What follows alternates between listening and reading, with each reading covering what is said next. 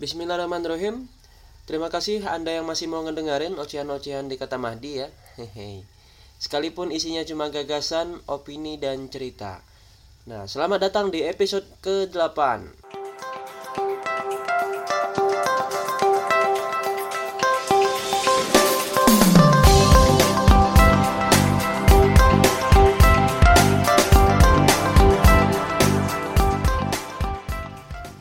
Nah, buat kamu yang baru kali ini ngedengerin kata Mahdi Podcast, silakan kamu scroll lagi ke atas untuk mendengarkan 7 episode sebelumnya.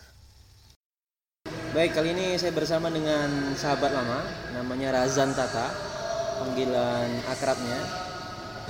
Nah, sekarang saya bersama dengan Razan Tata. Halo Razan. Halo, halo. Kedengaran ya suaranya ya? Siap, pendengar. Kau nak tuh diedit kok. Oke, siap aman. Nah bagian sini nih mohon maaf banget. Awalnya mau diedit supaya suara yang jernih gitu ya. Tapi karena noise-nya terlalu berat jadi ya seperti itulah. Jadi mohon maaf kalau telinganya agak sengang-sengang sedikit gitu. Tapi ya nikmati saja lah ya. Nah ini udah lama nih saya tidak update uh, kata mah di podcast ya. Jadi kali ini spesial saya update dengan bersama teman. Kali ini saya akan bicara banyak hal tapi biar fokus di bagian pertama ini saya bicara tentang uh, sosial media gitu. Jadi Sarazan ini ternyata dia bilang dia tidak uh, apa menamakan dirinya sebagai pencerita gitu. Pencerita kalau dengar dengar kata pencerita nih Zan saya jadi ingat kata kenal Mas Fat Pahdepi nah. Tahu tahu tahu. Nah Fat Pahdepi ini termasuk orang yang tidak menamai dirinya sebagai penulis tapi dia lebih senang disebut dengan dirinya pencerita gitu. Storyteller ya? Nah storyteller. Karena dia merekam banyak hal dibuat dalam bentuk narasi dan ditambah dengan metafora metafora diksi diksi uh, susunan cerita sehingga jadilah sebuah cerita yang utuh gitu. Nah menarik untuk dibahas kali ya mengapa Serazan Tata menyebut dirinya sebagai pencerita. Lalu yang kedua uh, medium mana saja yang dipakai sekarang untuk pencerita nih Jan?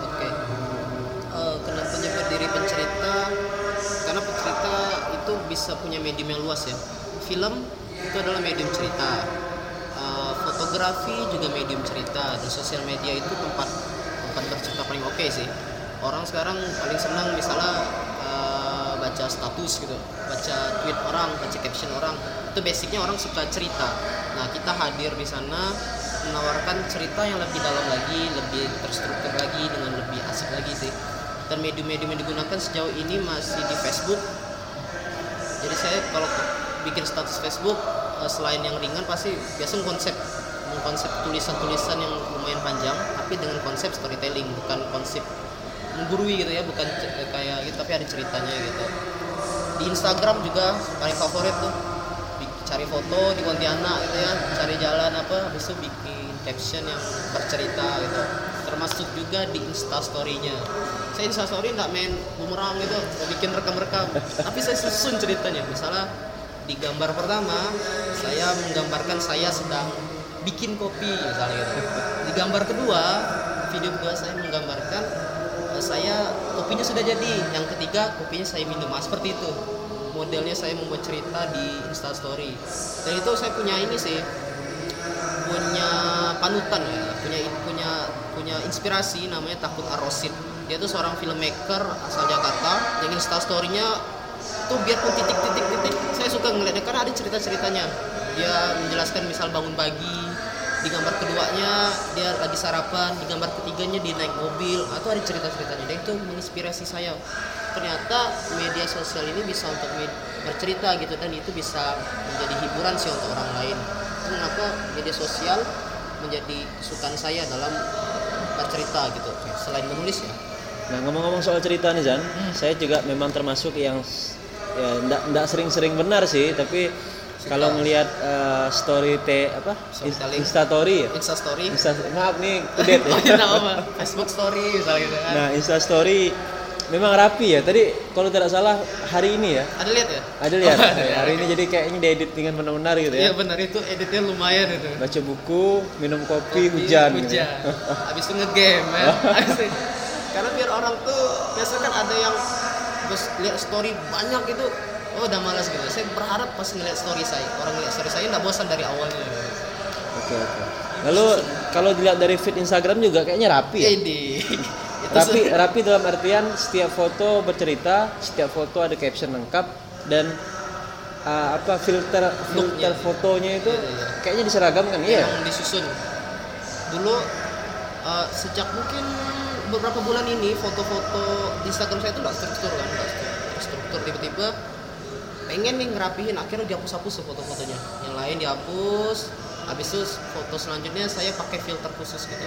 Di VS Cam atau di Snapseed saya edit pakai satu filter sama samakan samakan samakan agar enak dilihat dan enak pas orang lihat fotonya suka bisa tertarik buat baca caption sih. Jadi kayak menarik menarik dalam satu hal. itu filternya bukan filter asli Instagram ya? Bukan.